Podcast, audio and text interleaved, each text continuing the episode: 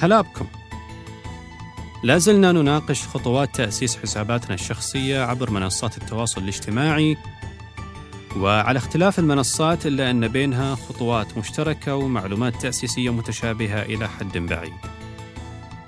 في الحلقة السابقة فصلنا الكلام عن الاسم الشخصي واسم المستخدم أو اليوزر نيم والنبذة التعريفية اللي هي اختصارا البايو بعد ما ضبطنا هذه العناصر المهمة نكمل الخطوات المتبقية. حياكم الله في هذه الحلقة من بودكاستي. هذا البودكاست يهتم بتوعية وتثقيف الشباب في مجموعة من أهم مهارات القرن الواحد والعشرين وهي المهارات التقنية وتطبيقاتها في التجارة الإلكترونية والتسويق الرقمي وكذلك صناعة العلامة التجارية الشخصية.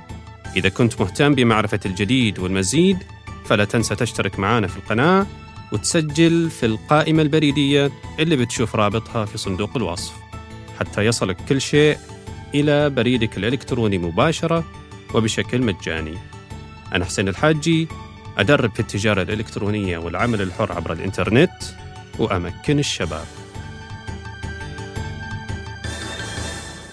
هلا بكم من جديد ونكمل القصة. الصورة الشخصية للحساب. الصورة عنصر مهم جدا. وإحنا نعرف طبعا أن مش الكل يحبذ نشر صورة شخصية في السوشيال ميديا. ولأن هذا شيء متعارف عليه في محيطنا فهو موضوع متفهم وعادي. وهناك بدائل مقبولة عن الصورة الشخصية عموما. إذا كنت راح تضع صورة شخصية فالصورة راح تعبر عنك مثل ما تعبر عنك الكلمات ويمكن أكثر الصورة تلتقطها العين أسرع ويمكن من خلال الصورة ورمزيتها تمرير الكثير من الأفكار عن صاحب الحساب وفي ثواني معدودة جدا. لذلك موضوع الصورة مش موضوع سد فراغ وانتهينا، بل هذا الجزء المحوري من الهوية البصرية للحساب يلعب دور مهم جدا في بناء العلامة التجارية الشخصية والتصورات المنعكسة عنها. لازم ناخذ عدة عناصر بالاعتبار لما نختار الصورة اللي راح تمثلنا في حساباتنا. أولاً حداثة الصورة مش صورة عمرها مثلاً خمس سنوات وأكثر لأن أمداها تضاريس ملامحك تغيرت هذا يعني أنك قد تشوف نفسك تغير الصورة كل سنة أو كل سنتين مثلاً وهذا شيء عادي.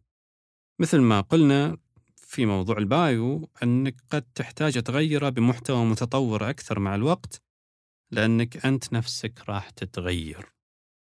هذا ينطبق برضو على الصورة. والقاعدة هنا المعلومات اللي توصل المستخدم والباحث إلى حسابك خليها مدروسة وثابتة. قد الممكن من البداية. مثل الاسم واليوزر والرابط.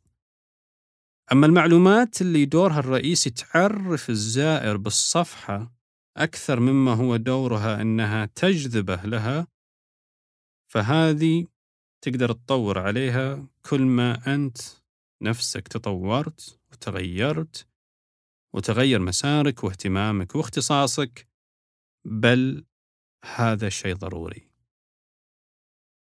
ثانيا التغيير محدود الأفضل للصورة الشخصية ثباتها لفترة ما في سبب قوي للتغيير الكثير والمفرط وفي فترات قصيرة. مش الهدف أنك تستخدم أكبر عدد ممكن من الصور قد ما هو أنك تستخدم صورة نوعية وبجودة عالية حتى تمثلك بشكل ممتاز فقط.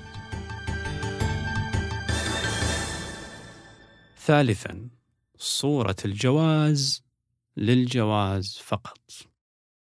قد يبدو هذا رأي وموقف شخصي أكثر منه موضوعي لكن مع ذلك أحب أشاركه معاكم إحنا نعرف أن الصورة الشخصية المطلوبة للاستخدامات الرسمية الأربعة في ستة وبخلفية بيضاء ضروري أنها راح تكون صورة خالية من التعابير الإضافية على ملامح الوجه.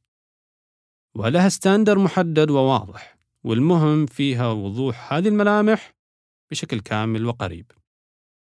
يعني ما راح تكون فيها مبتسم أو ضاحك أو متفاعل أو مشغول أو ماخذ زاوية احترافية للتصوير وهذه التفاصيل كلها تضيف تميز للصورة إذا بتستخدمها في صناعة العلامة التجارية الشخصية أو بتستخدمها كصورة شخصية لحساب في السوشيال ميديا.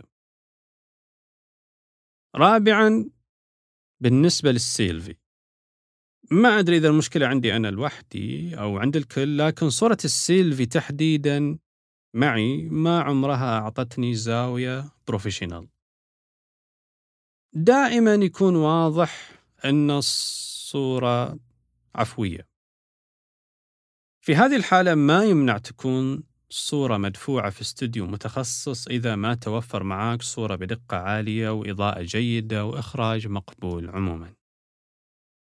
ويس مش ضروري تكون بيل جيتس حتى يكون لك صورة مهنية احترافية وتعطي جو. بالعكس هذا من أبسط حقوقك. خامسا وأخيرا صورة معبرة.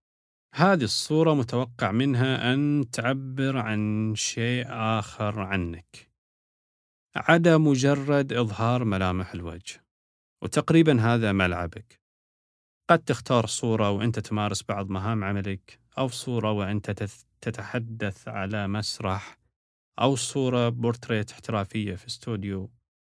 نفترض أنك لأي سبب ما راح تضع صورتك الشخصية. البدائل كثيرة ومن أبرزها مثلا صورة فيها اسمك الكامل على شكل مخطوطة عربية مميزة. توجد مواقع ممكن تحول اسمك إلى لوجو. مثل موقع كانفا وراح تجدون رابطة في صندوق الوصف. أو خطاطين ممكن يخطون لك الاسم بشكل مرتب وتعمل منه تصميم خفيف وترفعه مكان الصورة. وهؤلاء ممكن تصل لهم عن طريق مواقع العمل الحر. احتمال يكون هذا الاختيار أفضل وأكثر تخصيص لك من صورة رمزية أخرى مثلا فقط تعبر عن مجالك أو عن تخصصك بدون شيء شخصي يدل عليك ويميزك.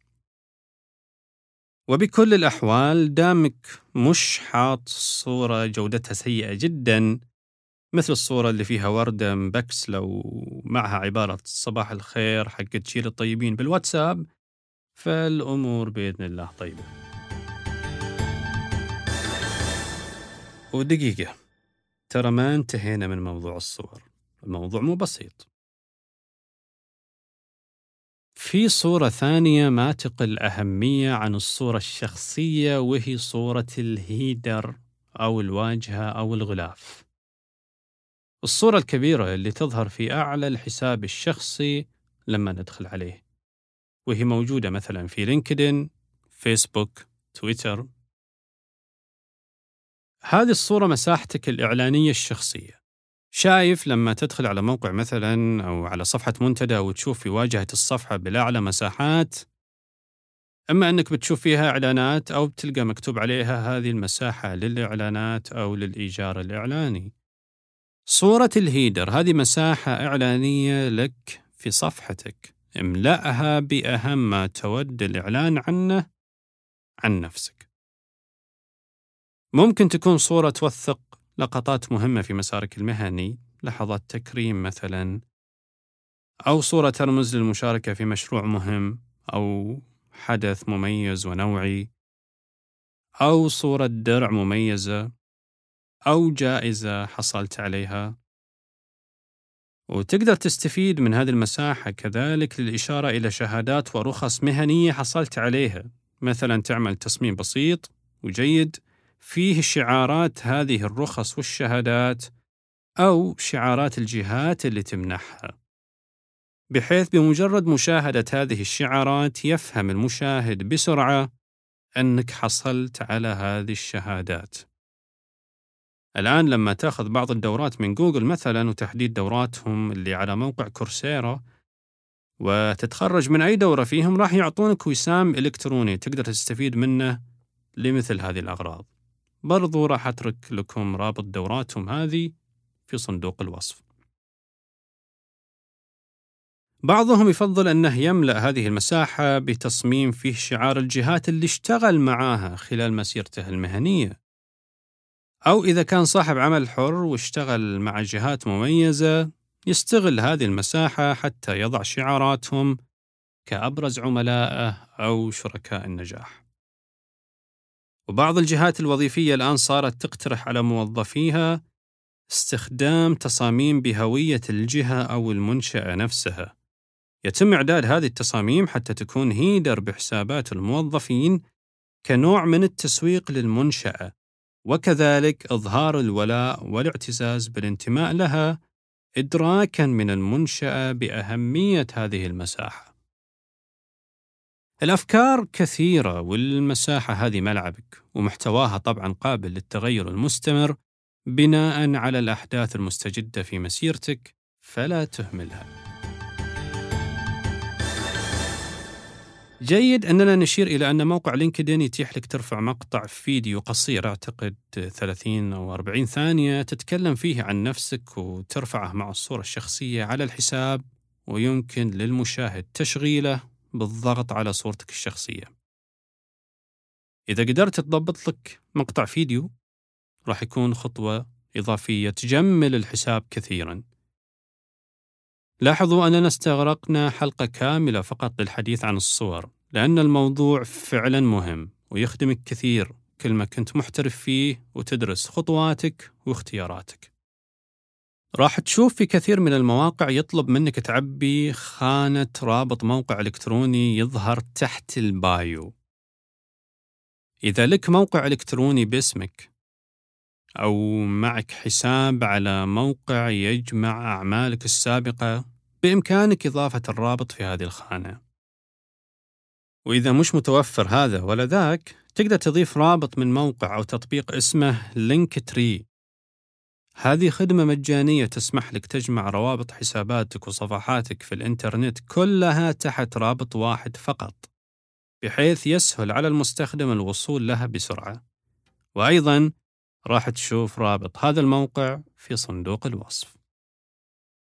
الآن اخترنا المنصة ضبطنا الاسم واليوزر والرابط والبايو والصورة والهيدر بنوصل لأهم جزء. في الحلقة القادمة فخليكم قريبين.